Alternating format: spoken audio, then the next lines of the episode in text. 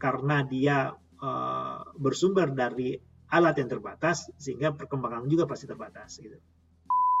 Keimanan seseorang itu harus uh, namanya iman itu kan harus lebih dari 100% keyakinannya.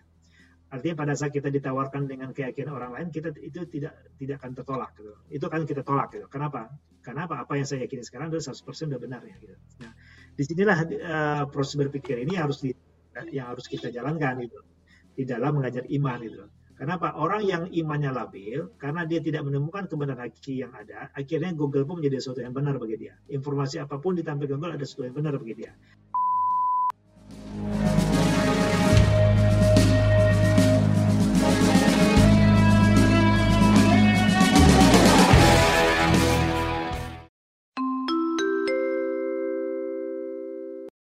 Perhatian, perhatian. Selamat datang di Bramsluk Podcast. Untuk Anda yang sedang mendengarkan, selamat mendengarkan.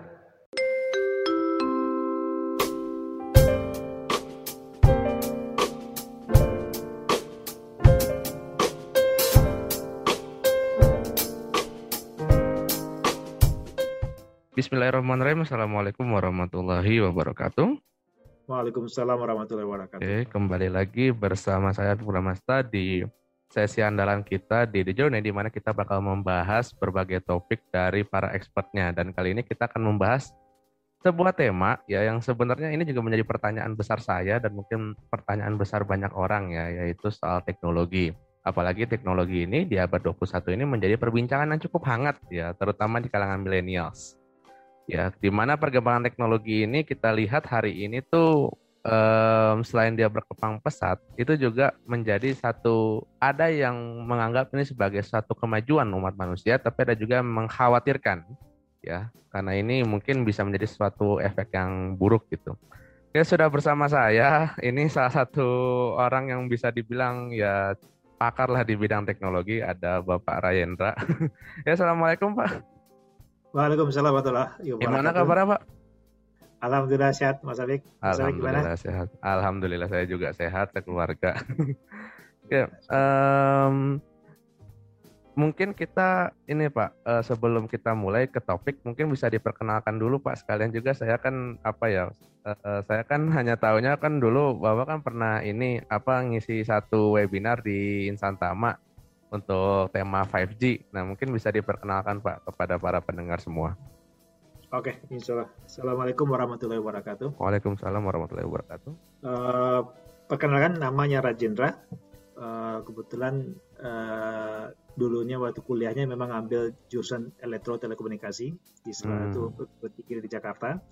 Lulus uh, tahun 99, kemudian langsung join bekerja di, di bidang telekomunikasi di salah satu operator uh, di Indonesia yaitu dulunya namanya Excel Komindo yang sekarang namanya itu Excel Asiata. Oh. Jadi setelah yeah, kemudian yeah. setelah berapa tahun kemudian di situ lima tahun dari Excel saya uh, mencoba mencari uh, mendapat peluang di luar negeri which is itu di Dubai. Jadi kita join di salah satu perusahaan uh, uh, global di bidang apa di bidang seluler juga itu namanya Aircom International. Kita bekerja di bidang konsultansi ya. Iya. Jadi di Dubai itu kita bekerja uh, dengan multinasional. Jadi uh, pernah mengajarkan beberapa proyek di Pakistan, di Dubai, di Bahrain. Dengan uh, waktu itu teknologi masih teknologi mostly 2G ya. Tahun 2004 sampai 2009. Which is sudah mulai transisi ke 3G. Hmm. Kemudian di tahun 2009 saya kembali ke Indonesia lagi. Kemudian saya join dengan Nokia Siemens Network pada saat itu. Kemudian ya berjalan dari waktu terakhir saya sekarang berada di Huawei uh, teknologi investment di Indonesia itu salah satu perusahaan Cina uh, yang untuk saat ini bisa dibilang dia memegang uh, teknologi secara overall di bidang seluler ya. Jadi memang uh, per, apa, kemajuan teknologi itu cukup signifikan di lima tahun terakhir. Apalagi kalau kita lihat Huawei itu bisa dikonsider sebagai perusahaan masih muda sebenarnya. Yeah. Dia itu baru berdiri tahun 2000, tahun 99 lah, tapi baru terjun di bidang telekomunikasi itu tahun 2001. 2000 2001 dia mulai terjun. Jadi kurang lebih i, belum nyampe 20 tahun ya, 25 belum nyampe 25 tahun. Kalau kita compare dengan Ericsson Nokia atau Siemens Motorola, Huawei masih anak bawang lah gitu. Hmm. Tapi namun teknologi itulah itu salah satu teknologi. Jadi teknologi itu selalu kuncinya itu selalu uh, apa uh, harus berkembang. Jadi R&D-nya harus bekerja, yaitu research and development-nya itu harus bekerja. Jadi kalau teknologi itu riset dan development-nya tidak bekerja, ya udah dia akan stuck dan tidak berkembang. Dan pada pada pada uh, pada situlah perusahaan-perusahaan Eropa seperti dan Eropa Amerika ya seperti Alcatel itu Amerika, kemudian Motorola itu Amerika, itu secara secara berangsur 10 tahun terakhir udah hilang dari peredaran bisnis seluler. Gitu. Hanya tinggal sekarang yang tiga, tiga empat, empat terbesar itu adalah Huawei, Ericsson, Nokia, dan eh, ZTE kan itu. Itu yang hmm. sekarang terbesar untuk di bidang seluler telekomunikasi. Mungkin Samsung yang masih bergerak di bidang 5G, which is ada di daerah uh, Korea, tapi belum masuk ke Indonesia. Pernah masuk coba Indonesia tapi gagal lah. Jadi belum belum masuk ke daerah, daerah ranah internasional lah. Kalau Samsung gitu. Tapi untuk saat ini secara global yang megang itu adalah empat empat itulah dengan Huawei, uh, Ericsson, Nokia dan uh, eh, ZTE. Jadi dua hmm. Cina, dua Eropa. Oke, okay, kan? dua Jadi, Cina, dua Eropa. Amerika, nah, Amerika udah nggak ada lagi di bidang seluler ini gitu loh. Dia cuma mesti bermain di bidang uh, backbone teknologi seperti kayak Cisco kan Amerika, kemudian Alcatel masih ada tapi masih bermain di di di, di, di backbone di backbone system lah gitu. Hmm. Jadi di, di bidang seluler itu kan ada bagian-bagian ya. Jadi memang key key, key teknologi di bidang seluler itu ada di bagian radionya. Nah, okay. Sekarang yang, yang terjadi. Ya terakhir saya masih di posisi di, di Huawei sebagai salah satu uh, ya performance manager di, di uh, performance uh, manager di uh, mengerjakan project Telkomsel gitu. Oke, okay. ya. Yeah. Hmm Berarti secara pengalaman ya bisa dibilang cukup ini ya cukup luas lah pengalamannya pernah di XL, kemudian di Telkomsel, kemudian sekarang di Huawei gitu dengan segudang pengalamannya. Nah, eh, kita coba masuk ke pertanyaan pertama nih Pak. Ada satu uh, mungkin uh, kebingungan saya gitu, kebingungan dan mungkin kebingungan banyak orang juga ya gitu. Um, mengenai soal apakah teknologi itu akan senantiasa berkembang mengikuti perkembangan manusia. Ya karena kan umur manusia kan kita kan nggak tahu sampai kapan nih ya. Maksudnya termasuk juga hari kiamat kan juga nggak ada yang tahu kan gitu. Nah atau akan ada satu masa atau satu titik di mana teknologi itu akan stuck gitu, di satu titik gitu. Uh, untuk saat ini kita belum melihat apakah teknologi itu akan berhenti atau tidak karena apa? Di sisi jadi teknologi kembali kita masalah definisi dulu ya. Ya. Kita bicara masalah definisi. Teknologi itu apa sebenarnya kan ya? Teknologi itu kan sebenarnya keseluruhan sarana yang yang menyediakan barang-barang yang diperlukan oleh manusia, oleh untuk kelangsungan kehidupan dan kenyamanan manusia kan gitu. Nah, ini salah satu challenge-nya gitu. Kebutuhan manusia untuk memenuhi kebutuhannya untuk membuat dia nyaman itu tidak terbatas hukumnya. Iya. Kan? Nah, namun untuk alat pemenuh kebutuhan manusia itu itu terbatas. Itu salah satu prinsip ekonomi ya. Seperti bisa diaplikabel di teknologi. Namun untuk saat ini, berjalan dengan waktu, kebutuhan manusia itu meningkat. Diiringi juga dengan kemajuan teknologi.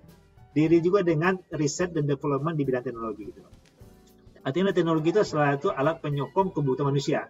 Secara tidak langsung manusia pun akan berusaha semaksimal mungkin untuk mengembangkan teknologi dan barang-barang yang bisa memenuhi kebutuhan diri itu sendiri. Gitu. Oh iya. Okay. Jadi selama manusia itu eh, berkembang, selama manusia itu kebutuhannya seperti sifatnya tidak terbatas, itu teknologi bisa jadi tidak terbatas, eh, bisa jadi teknologi akan berkembang. Namun karena sifatnya sebagai alat pemenuhi kebutuhan, dia bisa terbatas. Hmm, oke, okay. bisa terbatas ya, karena bisa, bisa terbatas. Uh, bahkan mungkin kalau bisa dibilang ya untuk teknologi sekarang tuh belum ada maksudnya satu teknologi itu yang secara totality 100% itu bisa kemudian memenuhi semuanya. Semuanya kebutuhan manusia kayaknya belum ada. Ya hanya belum di ada. hanya di aspek-aspek tertentu saja. Betul betul betul, betul. Nah, jadi ada ada di, di bidang-bidang tertentu teknologi ada batasannya. Misalnya saya kasih contoh. Di bidang uh, teknologi perlensaan kamera. Iya. Itu nggak ada teknologinya. Nggak berkembang teknologi di bidang teknologi lensa. Itu as it is. So far seperti, seperti itu ya, as it is gitu. Namun di bidang telekomunikasi itu selalu berkembang. Karena apa? Dari awal kita lihat itu dari awal di 1G. Itu teknologi analog dulu, AMPS dulu tahun uh, 1990-an itu. Maksud teknologi di GSM digitalisasi, ya kan awal dari voice uh, through digitalisasi, kan gitu. Itu awal sekitar di akhir uh, awal di akhir di awal tahun 98 98 termasuk kemudian naik lagi kebutuhan manusia dalam bentuk media dan sosial maksud teknologi 3G kemudian kebutuhan lagi which is dia perlu menonton lebih, lebih high throughput maksud teknologi 4G sekarang masuk lagi teknologi 5G di bidang ini mungkin tidak mungkin belum kelihatan akan berhenti gitu loh karena kebutuhan manusia itu luar biasa. Karena dituntut dengan masalah globalisasi ya. Jadi tidak akan seperti kalau kita lihat telekomunikasi uh, uh, apa masih terus berkembang yeah kita lihat di bidang lain seperti otomotif selalu berkembang. Sekarang mereka mengembangkan bukan berkembang sih kalau teknologi otomotif kurang lebih akan sama dia paling modifikasi di sana sini sana sini situ doang gitu loh. Kemudian teknologi di bidang bahan bakar misalnya, saya kira aspeknya udah ada dari zaman dulu cuma dimodifikasi lebih awal aja gitu loh. Soalnya teknologi lebih cenderung kepada teknologi motor listrik misalnya kan gitu loh. Iya.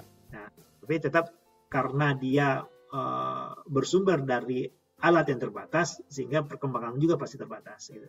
Hmm, karena dia dibuat dan dirancang oleh sesuatu yang terbatas, maka sifatnya pun juga terbatas. Sifatnya nah, terbatas. Nah, karena kalau kita lihat ya inovasi-inovasi sekarang ini ya Pak, itu memang ya bisa dibilang jor-joran juga Pak. Kayak misalkan soal telekomunikasi saja handphone gitu. Handphone misalkan bulan ini rilis yang baru, nanti bulan depan tuh pasti akan ada lagi dan gitu terus gitu terus gitu terus yeah. gitu ya. Ya misalkan uh, contoh uh, yang lagi ramai jor-joran soal inovasi apa namanya ngeluarin HP-HP baru tuh contohnya adalah Samsung. Samsung saya kira kalau saya lihat ya itu lumayan gesit juga mereka untuk kemudian ngeluarin produk-produk baru. Atau misalkan uh, bahkan mungkin sekelas Amerika kayak Apple aja ya walaupun bisa dikatakan agak lambat sih Apple karena dia kan periodiknya tahunan yang itu juga belum tentu ada. Misalkan di tahun itu uh, pernah mungkin ada satu masa di mana Apple nggak ngeluarin satu produk gitu. Mungkin karena mereka lagi riset atau lagi apa gitu.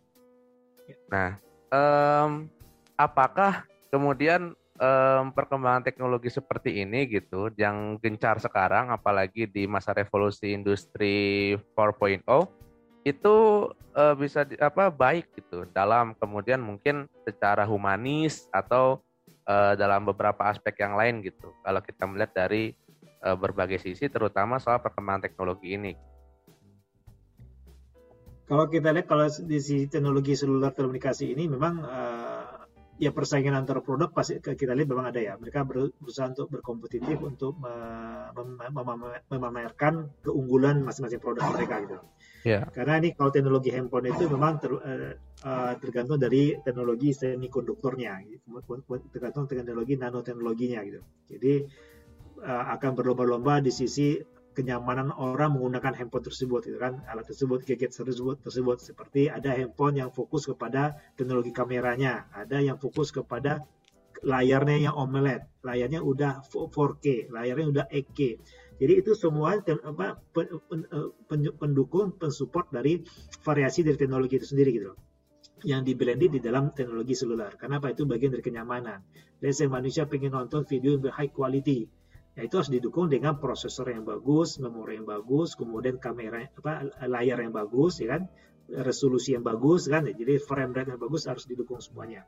Yeah. seperti dengan teknologi komputer juga begitu berkembang seperti itu nah bagaimana impactnya terhadap uh, humanisme itu memang tergantung lagi pada manusia lagi gitu loh. Teknologi itu tidak ada yang salah gitu semakin tinggi okay. teknologi itu tidak ada yang salah gitu loh.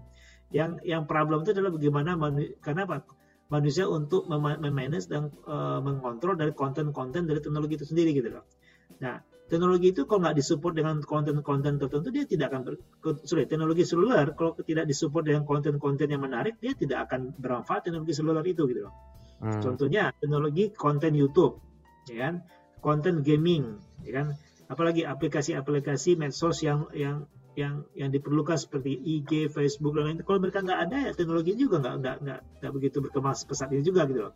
Yeah, yeah. Karena ini menjadi tuntutan karena sifat manusia itu sendiri seperti apa sih yang dia yang manusia lakukan di, di IG sebenarnya nah, terus kita identify kan yeah. nama user experience apa yang mereka lakukan di sana ya apa paling mereka memamerkan tentang sesuatu apa yang mereka miliki ini itu, itu kan nah efek-efek budaya ini kan itu masuk budaya pamer dan budaya ria kan itu nah ini ini sebenarnya umum jadi apa efek-efek negatif itu seperti menjadi global. Dulu localize, artinya apa? Kita tidak mendapatkan dalam apa yang terjadi di Amerika, pamer-pamer ria atau kemasan di sana itu nggak bisa dilihat dulu. Iya. Ya.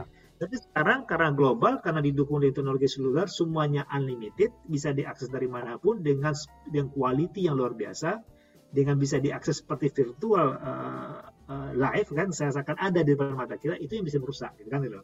Nah itu konten-konten seperti itu yang harus di manage.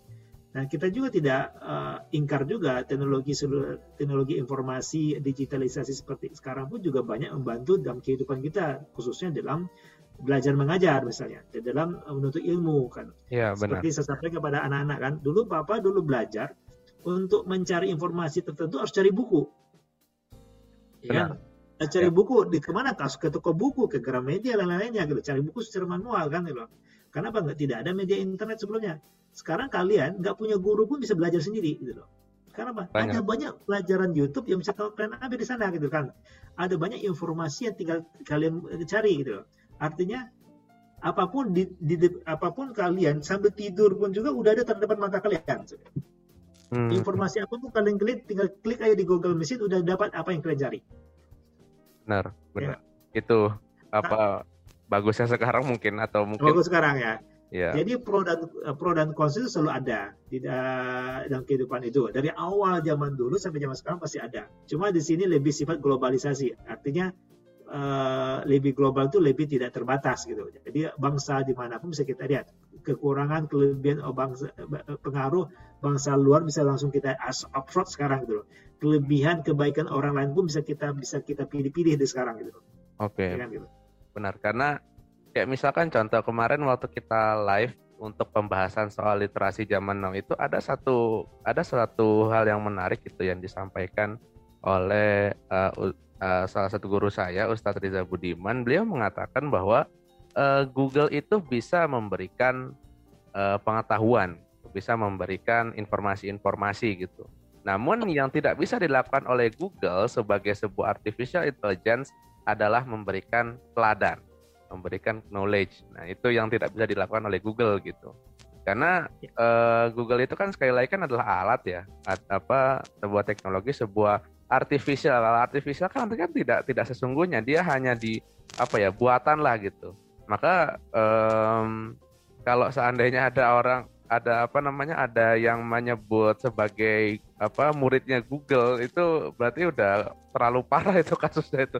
Sampai kemudian dia apa pun tuh uh, sandarannya Google gitu. Padahal be, apa Google itu kan hanya hanya memberikan informasinya saja terlepas dia apakah benar atau tidak itu kan tidak menjadi urusan Google. Yang penting Google sudah memberikan uh, informasi yang dia mau. Perkara itu benar apa tidak atau itu hoax atau tidak itu tidak menjadi tanggung jawab Google gitu. Ya, mungkin Google ya kalau blokir-blokir mungkin itu apa urusannya di uh, regulasi di negara masing-masing gitu tergantung negaranya gitu. Kalau di kita kan mungkin agak-agak ketat juga ya gitu. Apalagi di zaman-zaman sekarang gitu kayak contoh misalkan untuk siaran televisi saja itu beberapa hal yang menjadi sensor di zaman eh, beberapa hal yang dulu tidak menjadi sensor di zaman dulu itu sekarang jadi sensor di zaman sekarang gitu. Bahkan di cutting cutting gitu kalau cuma di blurin kan ya masih kelihatan lah gitu. Tapi kalau udah kalau udah di cutting kan ya kadang-kadang kita misalkan kita nonton kartun zaman dulu yang ditayangkan lagi sekarang terus ada adegan-adegan gitu yang akhirnya dipotong itu kita kan sebagai pemirsa yang dulu pernah nonton ini kan gemes gitu loh. Kok ini dipotong kok ini dipotong kan gitu. Banyak banget gitu.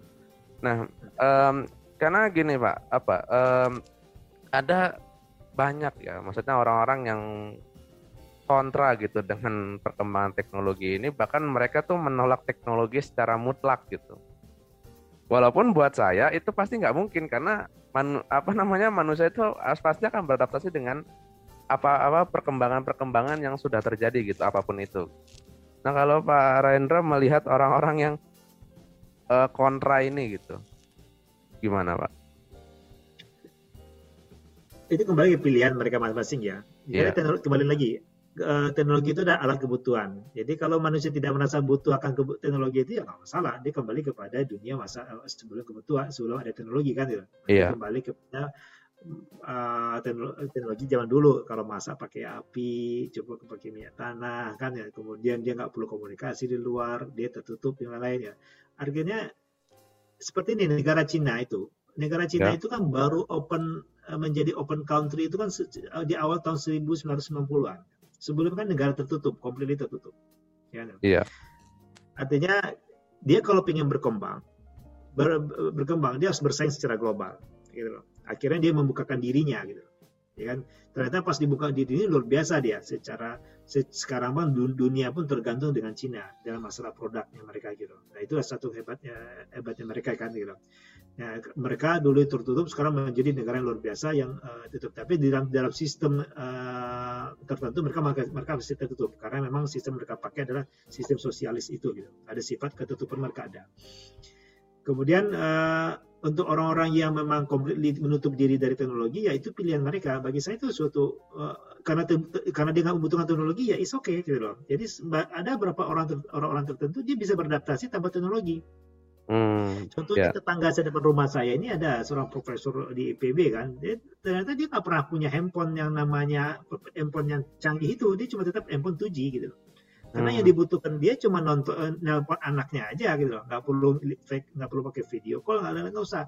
Bahkan nggak perlu nelpon anak itu nggak apa-apa gitu loh. Kenapa anak-anak tiap minggu juga ada nyamperin dia kan gitu loh gitu. nah itu salah satunya gitu. Jadi kalau ada, ada masyarakat seperti itu anti teknologi ya boleh-boleh aja itu pilihan mereka. Tapi uh, tapi apakah membuat hidup mereka lebih susah lebih susah? Ya itu pilihan mereka kan gitu loh. Jadi mereka yeah nggak harus apa teknologi itu bisa apa kemajuan teknologi itu harus setiap manusia beradaptasi. Sehingga manusia sangat tinggi tinggi ketergantungan terhadap teknologi. Iya ke depannya. Ini salah satu uh, yang harus kita challenge ke, ke depannya. Jangan sampai hidup kita ter, terlalu uh, apa uh, tingkat ketergantungan dengan teknologi ini juga uh, ada negatifnya juga gitu kan gitu. Sehingga, sehingga yeah. banyak kita lihat lah mulai-mulai sekarang banyak yang adiktif dengan handphone dan lain itu listrik mati langsung aduh hidupku udah hidupku udah selesai juga nih handphoneku ketinggalan. Ya, itu proses sering terjadi kan bahkan mau kalau ke kantor itu ada nggak ke bawah handphone tuh kayaknya nggak nggak ada sesuatu yang hilang kan gitu. Iya benar. sobat gitu kan ya. Jadi untuk orang-orang tertentu nggak perlu gitu bisa jadi gitu kan. Tapi untuk orang-orang tertentu karena itu udah menjadi kebutuhan nah ini dulu handphone adalah atau telepon adalah kebutuhan sekunder atau tersier sekarang yeah, handphone adalah kebutuhan primer gitu loh. Jadi jadi tingkat level kebutuhannya lebih tinggi sekarang karena karena jadi tapi ini level kebutuhan itu kan sangat-sangat subjektif, ya kan? Tergantung yeah. manusia sendiri. Ya. Kalau dia memang dibutuhkan di dalam kehidupan dia dalam kehidupan sehari ya udah dependensi cukup tinggi nanti kan gitu. Artinya dia pun bisa jadi nggak bisa hidup tanpa itu. Yang problemnya adalah dia tidak dependensi terhadap seperti gaming, seperti apa yang apa uh, medsos dan lain-lainnya itu itu betul-betul menyita waktu gitu. Jadi itu pun harus kita ingatkan pada anak-anak muda sekarang, anak sekolah sekarang, anak-anak kita juga. Uh, medsos dan lain itu memang banyak, uh, banyak informasi kita dapatkan dari internet, tapi banyak juga informasi yang negatifnya kita dapat. Nah ini pilihan kita. Tapi most of the time kita menggunakan fasilitas teknologi itu untuk suatu hal yang tidak bermanfaat. Hmm, most of the time segitunya ya. Ya, karena apa? Saya contoh, kita lihat contohnya yang nggak ingat anak di rumah misalnya kan, iya. kamu ngapain naik gitu Jadi kita lihat sirkulasi waktunya. Artinya masa itu apa? Mostly waktu mereka itu terbuang suatu hal yang tidak bermanfaat. Itu jadi tidak tidak, tidak masa itu jadi useless kan gitu. Itu maksud saya seperti itu. Tersita waktunya melakukan browsing atau googling atau berselancar ke mana-mana di dunia maya.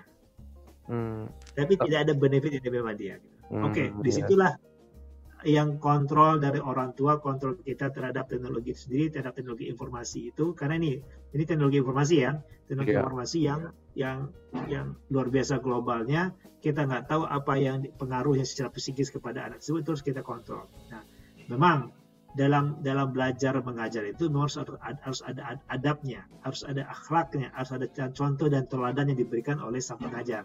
Itu tidak pernah kita dapatkan dari Google, iya, kan kira. Itu yang nggak pernah didapatkan dari Google ya. Kenapa? Tidak ada adabnya. Iya, benar. benar banget itu. Tapi dalam nah, jadi kalau kalau kita kurangnya pasti kurang lah. Namanya sistem teknologi informasi itu tidak ada adabnya gitu loh. Ya? Hmm. Ini ini harus kadang-kadang yang uh, menjadi challenge bagi kita orang tua ke depannya gitu. Tapi kalau anak-anak yang betul bisa memanfaatkannya dengan baik teknologi ini ya dia bisa sukses. Banyak anak-anak kita lihat banyak banyak uh, youtuber-youtuber yang seperti ini lagi viral itu kan Vicky Nagi ya mampu dia belajar bahasa dengan dia sendiri nggak pernah belajar masuk sekolah oh, secara formal untuk belajar bahasa. Tadi kemampuan dia belajar dari internet akhirnya dia bisa menguasai banyak bahasa. Iya, dan menjadi viral kan sekarang gitu. Iya viral, nah, intens. Bahkan dia bisa mencari mencari kehidupan dari itu. So what? Go ahead, go ahead gitu. Itu suatu contoh yang bagus, ya kan gitu. Uh, itu yang bagus. Artinya betul-betul dia bisa menggunakan bahasanya itu. Walaupun dalam di dalam dia bisa berkomunikasi dengan orang luar, berinteraksi dengan orang luar, kemudian dia dijadikan sebagai suatu pendapatan dia. Tuh, oke okay, aja, ada problem. Oke. Okay. Hmm. Oke. Okay. Ya, uh, karena sekarang tuh ada ada satu apa ya kayak satu uh, hal yang kemudian nempel di anak muda sekarang gitu karena mereka kan melihat contoh-contoh yang ada di internet gitu uh, misalkan ada ada seorang gamers yang dia tuh sukses gara-gara main game kan gitu jadinya kan banyak yang bilang jadi kan banyak yang main game terus mereka bilang aku mau sukses kayak dia gitu. Padahal kan apa ya ya kalau tadi Pak Andrea sebut kan mostly gitu mostly sampai segitunya ya gitu. Apa tidak bermanfaat lah gitu. Mostly ya maksudnya bukan berarti semuanya lah gitu. Tapi kebanyakan itu ya itu nggak manfaat itu kebanyakan yang itu just, ya mungkin jadi apa ya kayak jadi satu hal yang harus kita perhatikan lah terutama kita sebagai generasi Z yang ibaratnya nggak bisa lepas dari ya ini yang tipisnya berapa inci ini. ya, ya, ya yang di mana uh, generasi Z itu kayaknya nggak bisa lepas deh kayaknya.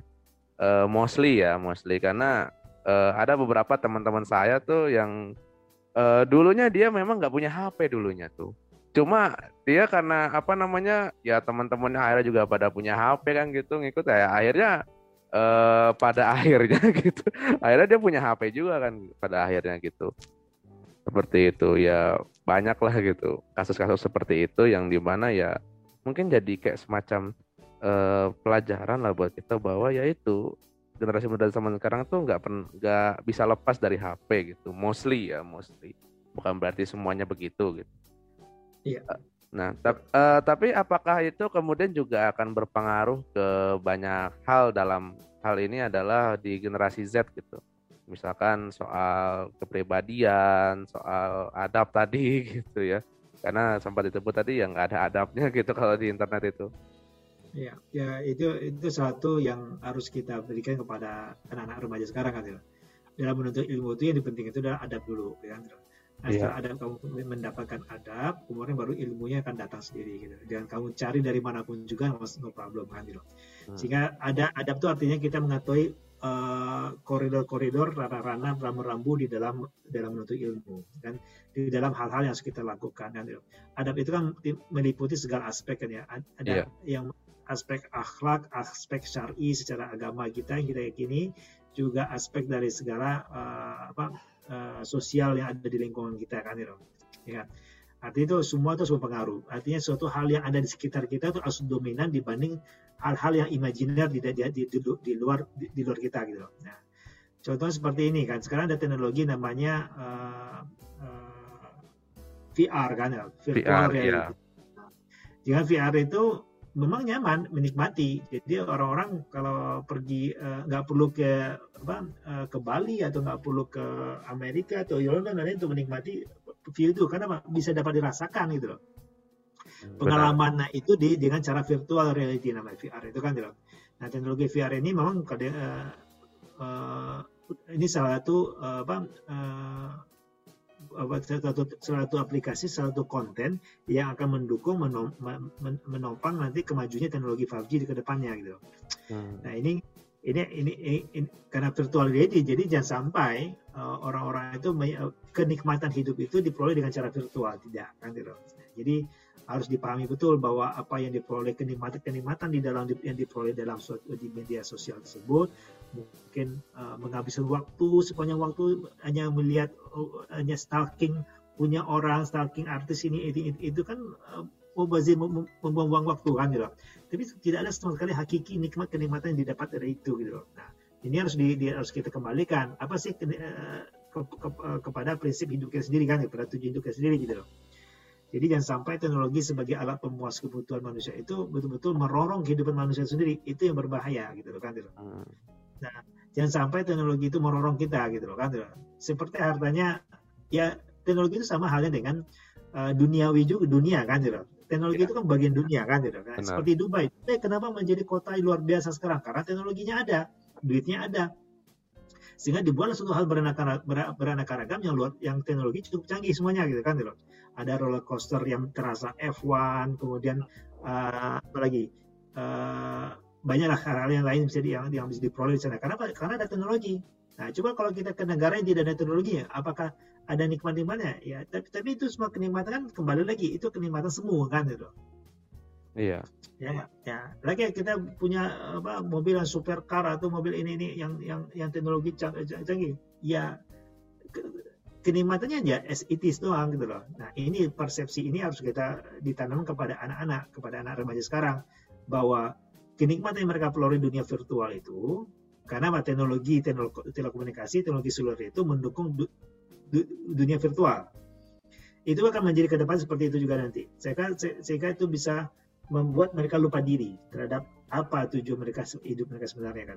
Jangan sampai teknologi itu melupakan diri kepada terhadap tujuan hidup mereka sendiri. Itu yang harus ditanamkan kepada anak-anak yeah. remaja sekarang. Sehingga kontrol itu tetap ada. Oke, okay gue nggak mau terlena-lena dong dengan dengan uh, dengan dengan dengan fasilitas teknologi yang ada sekarang dengan kehidupan yang penuh dengan uh, kenikmatan yang penuh kenyamanan seperti ini. Jangan sampai itu terlena dia akan tujuan hidupnya sebenarnya gitu. Hmm, benar-benar iya. Karena uh, banyak juga ya apa ya orang-orang tuh yang akhirnya tuh karena dia keseringan di dunia virtual maka dia tuh tidak bisa membedakan antara yang namanya dunia virtual dengan dunia nyata gitu. Sehingga apa yang dia lakukan di dunia nyata ke bawah di dunia virtual kalau itu masih mending ya. Yang agak bahaya adalah ada apa yang ia lakukan di virtual kemudian dia bawa ke dunia nyata. Nah itu yang jadi masalah ya. Bahkan sekarang dengan munculnya apa ya eh, kayak asisten-asisten gitu kan sekarang kan eh, beberapa perusahaan teknologi kan mengembangkan apa ya kayak semacam asisten-asisten gitulah. Jadi dia artificial gitu, cuman dibentuknya seperti manusia gitu. Saya lupa namanya apa saja karena ada ada tiga kalau nggak salah. Mungkin Pak Rayendra mungkin lebih tahu ya kan. ada ada beberapa sih ya. Uh, dia bentuknya kayak robot gitu yang dia uh, diharapkan atau ditargetkan menjadi semacam teman, teman atau mungkin asisten bagi seorang manusia gitu. Nah, e, kalau Pak Hendra ngelihat ini gimana nih? Apa bahkan sampai kemudian mereka membuat kayak semacamnya itu asisten, jadi dibuat e, mirip seperti manusia yang diharapkan menjadi temannya manusia gitu.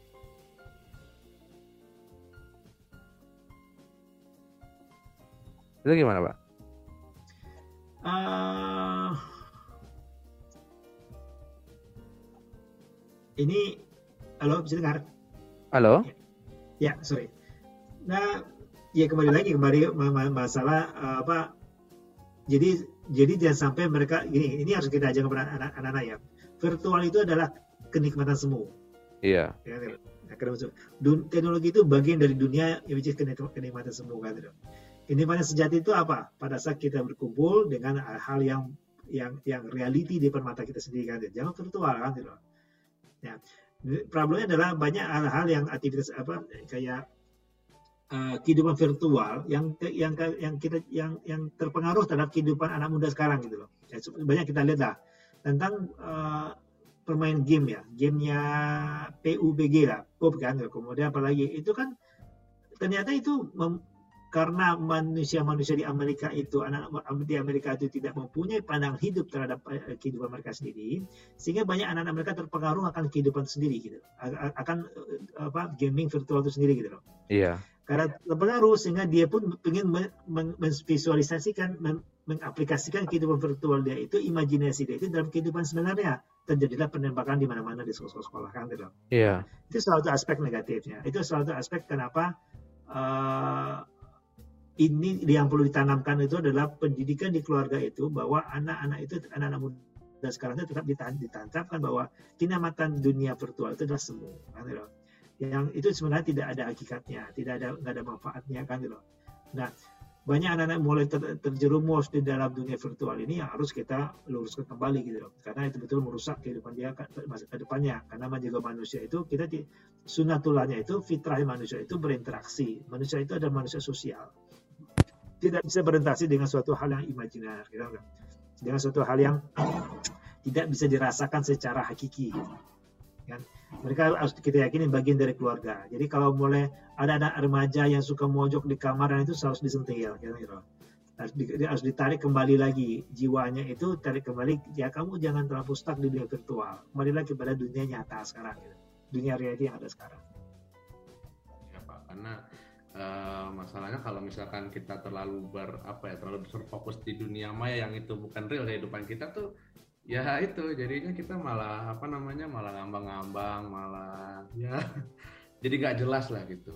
Karena banyak juga kan teman-teman kita yang apa namanya dari dari dunia maya ini kemudian menjadi efek-efek negatif. Kayak contoh misalkan eh, ada ada satu yang mungkin miris ya jadi ada satu satu hari saya lupa itu tahun berapa gitu. Jadi ada satu karakter um, karakter saya lupa itu drama apa anime apa apa saya lupa yang kemudian mati gitu. Nah itu mereka tuh ini langsung berduka cita lah, kemudian dibikin ucapan ini, aduh saya aduh. Saya ngelihatnya sambil ketawa-ketawa itu pak, ngeliatin beberapa orang itu yang mereka tuh apa di apa dengan mereka apa meluapkan duka cita mereka tuh dengan men, apa bikin meme duka cita lah banyak lah gitu. Yang buat saya tuh miris pak. Asli pak miris pak banget. Apa ya apa namanya padahal itu kan just uh, itu kan hanya virtual saja. Tokohnya memang tidak tidak nyata. Tetapi ketika kemudian dia mati yang itu juga matinya nggak nyata juga gitu mereka membuat ya apa namanya uh, ucapan sukacita, kamu ucapan duka cita dan sebagainya. Itu benar-benar miris pak buat saya dan juga mungkin buat banyak orang kali ya yang cara ini masih inilah gitu. Nah uh, mungkin satu lagi pak uh, soal ini pak, apakah kemudian um, sebelum kita ke closing statement, apa kemudian teknologi ini juga punya pengaruh terhadap uh, akal dan juga iman karena biar bagaimanapun kan kita sebagai manusia itu kan pasti punya faith lah punya keyakinan gitu. Nah banyak orang tuh yang akhirnya tuh justru menautkan keyakinan mereka kepada hal-hal yang tidak nyata ini gitu. Misalkan ada agama yang menyembah Google gitu. Sempat ada sempat ada apa tuh? Ada yang dia tuh agama yang menyembah Google pak. Nah itu gimana pak? Apakah apa teknologi juga punya pengaruh terhadap akal dan juga uh, iman lah sebagai satu satu komponen yang mesti ada dalam seorang diri manusia. Ya, ini memang proses iman itu proses cara berpikir kita ya. ya cara berpikir seorang manusia untuk mencari kebenaran yang sebenarnya kebenaran gitu. Jadi kalau kita meyak, kalau kita sudah mendapatkan suatu kebenaran yang menurut kita itu paling benar, bahwa iman itu adalah satu hal yang ya harus kita buktikan secara fakta dan secara nyata. Keimanan seseorang itu harus uh, namanya iman itu kan harus lebih dari 100% keyakinannya. Artinya pada saat kita ditawarkan dengan keyakinan orang lain, kita itu tidak tidak akan tertolak. Gitu. Itu kan kita tolak. Gitu. Kenapa? Kenapa? Apa yang saya yakini sekarang adalah 100% sudah benar ya. Gitu. Nah, di sinilah uh, proses berpikir ini harus di, yang harus kita jalankan gitu di dalam mengajar iman gitu. Kenapa? Orang yang imannya labil, karena dia tidak menemukan kebenaran hakiki yang ada, akhirnya Google pun menjadi sesuatu yang benar bagi dia. Informasi apa pun ditampilkan Google ada sesuatu yang benar bagi dia.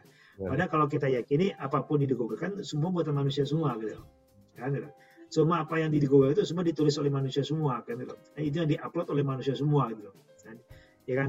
Nah, itu yang menjadi yang proses berpikir itu yang harus ditanamkan. Kalau orang dalam cara, cara, cara kalau dalam proses berpikir itu sudah salah, nah, padahal kira gini, harus kita lihat hakikat yang berpikir itu apa sebenarnya. Hakikat berpikir kan suatu nikmat yang terbesar yang di, yang dimiliki suatu kekayaan khasanah khasanah ilmu yang dimiliki oleh seorang manusia, kemampuan seorang khasanah kemampuan kema, sorry, kemampuan yang paling tinggi dimiliki oleh seorang manusia yaitu berpikir. Ya kan, berpikir itu membuat dia hidup, ya kan, ya. Nah, keyakinan itu lebih dari 100%. Keimanan itu adalah keyakinan yang melebihi dari 100% kebenarannya. Dan keimanan itu harus dibuktikan secara akal. Gitu kan? Secara akal, secara fakta yang benar. Artinya kalau dibuktikan secara akal, artinya bisa kebenaran itu hakikat hakikinya uh, tidak terbantahkan. Hmm. Nah, apa yang terjadi di Google, apa yang terjadi di teknologi itu kebenarannya apa pun yang dibawa oleh informasi di Google atau teknologi yang ada itu karena itu masih ciptaan manusia, pasti ada kesalahan-kesalahan yang ada. Apa pun yang diciptakan manusia pasti ada kelemahan dan kekurangannya gitu. Nah ini cara berpikir seperti ini harus yang dilakukan oleh setiap manusia. Gitu. Tidak mungkin kita menganggap Google itu ada suatu mahzab sendiri atau suatu agama sendiri, suatu keyakinan sendiri gitu. Kenapa? Apa yang ditulis di Google itu semua hasil karya manusia semua gitu. Oke. Okay. Dan secara secara akal sehat pun kita tidak mungkin meyakini suatu hal yang dibuat oleh manusia kan gitu. Ya kan? Kita harus meyakini iman itu adalah meyakini bahwa kebenaran itu hanya dari sang betul-betul dari sang pencipta dari suatu hal yang menciptakan segala sesuatunya gitu meyakini sesuatu kalau kita bisa buktikan dengan akal secara secara secara akal dan secara fakta ya bisa tapi mungkin eh, apa artinya teknologi itu memang ada kebenarannya memang ada tapi tidak bisa melebihi dari keyakinan kita terhadap suatu iman itu hmm. Kemajuan teknologi itu tidak bisa melebihi dari ke, eh, dari keimanan karena teknologi itu sendiri ada keterbatasan sendiri gitu loh seperti manusia juga ada keterbatasan sendiri gitu loh. Karena teknologi ada ciptaan manusia, buatan manusia kan gitu loh. Segala sesuatu yang dihasilkan oleh manusia pasti ada keterbatasannya. Nah, itulah itu logika keimanan yang harus di, yang ditanamkan bahwa tidak bisa kita meyakini sesuatu hal yang pasti akan punah. Oh iya benar benar benar itu. Ya kan, ini harus kita ini harus kita logika harus digunakan untuk teman-teman untuk anak-anak muda sekarang. Kenapa kalian 100% yakin terhadap teknologi tersebut? Padahal sesuatu hal pasti akan punah either kamu duluan punah atau teknologi yang punah duluan kan gitu. Itu pilihan itu gitu. Jadi kita tidak bisa meyakini suatu hal yang akan selesai sendiri gitu loh. Hmm. Kan akan akan akan tidak pernah uh, uh, artinya akan finish sendiri suatu saat gitu loh. Benar. Kan? Jadi kita harus meyakini sesuatu hal yang betul-betul yang yang secara fakta kebenarannya itu tidak terbantahkan. Kalau yang maha kuasa itu kebenarannya itu dari mana asalnya? Bukan dari Google, bukan dari teknologi gitu loh. Ya benar sih benar karena tadi apa namanya apakah kita mau untuk mempercaya atau mengimani sesuatu yang akan musnah sendiri gitu. Yang dia tuh tanpa kita babi bu tanpa kita kemudian instruksikan pun itu dia akan tamat pada akhirnya gitu.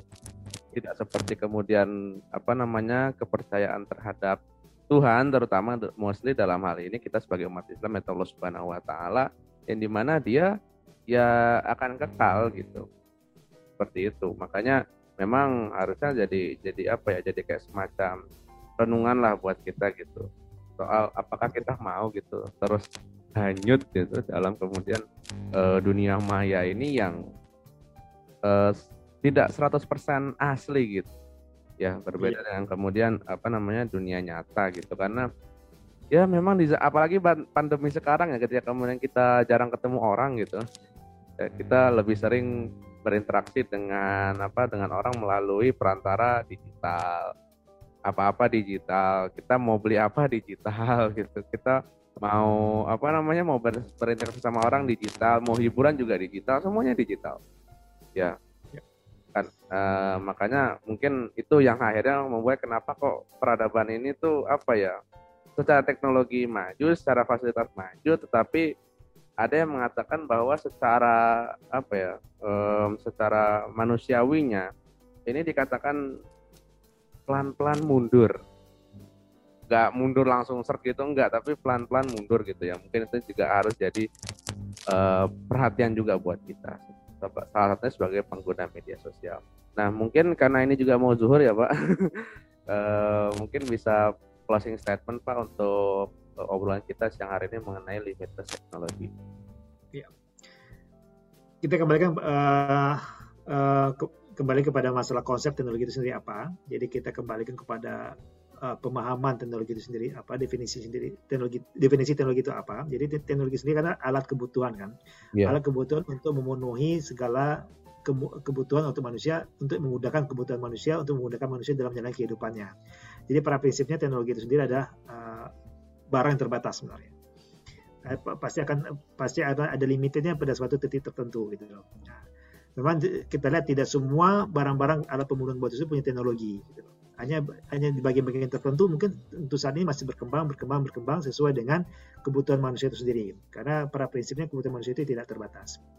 Nah, namun di dalam perkembangan ke depannya bahwa teknologi itu jangan uh, banyak pro dan consnya. Maksudnya kita pun betul-betul bisa mengontrol konten-konten yang men menjadi uh, yang sorry konten-konten yang menjadi yang konten-konten yang yang teknologi itu tidak tidak akan bisa maju tidak disebut tanpa konten-konten gitu. Nah, konten-konten itulah menjadi yang harus kita kontrol, harus kita pilih-pilih di dalam menggunakannya. Jadi manusia itu menjadi pilihan. Jadi tetap segala sesuatu itu ada di tangan manusia dalam memilih, dalam menggunakan alat kebutuhannya itu, alat pemuas kebutuhannya itu sendiri gitu.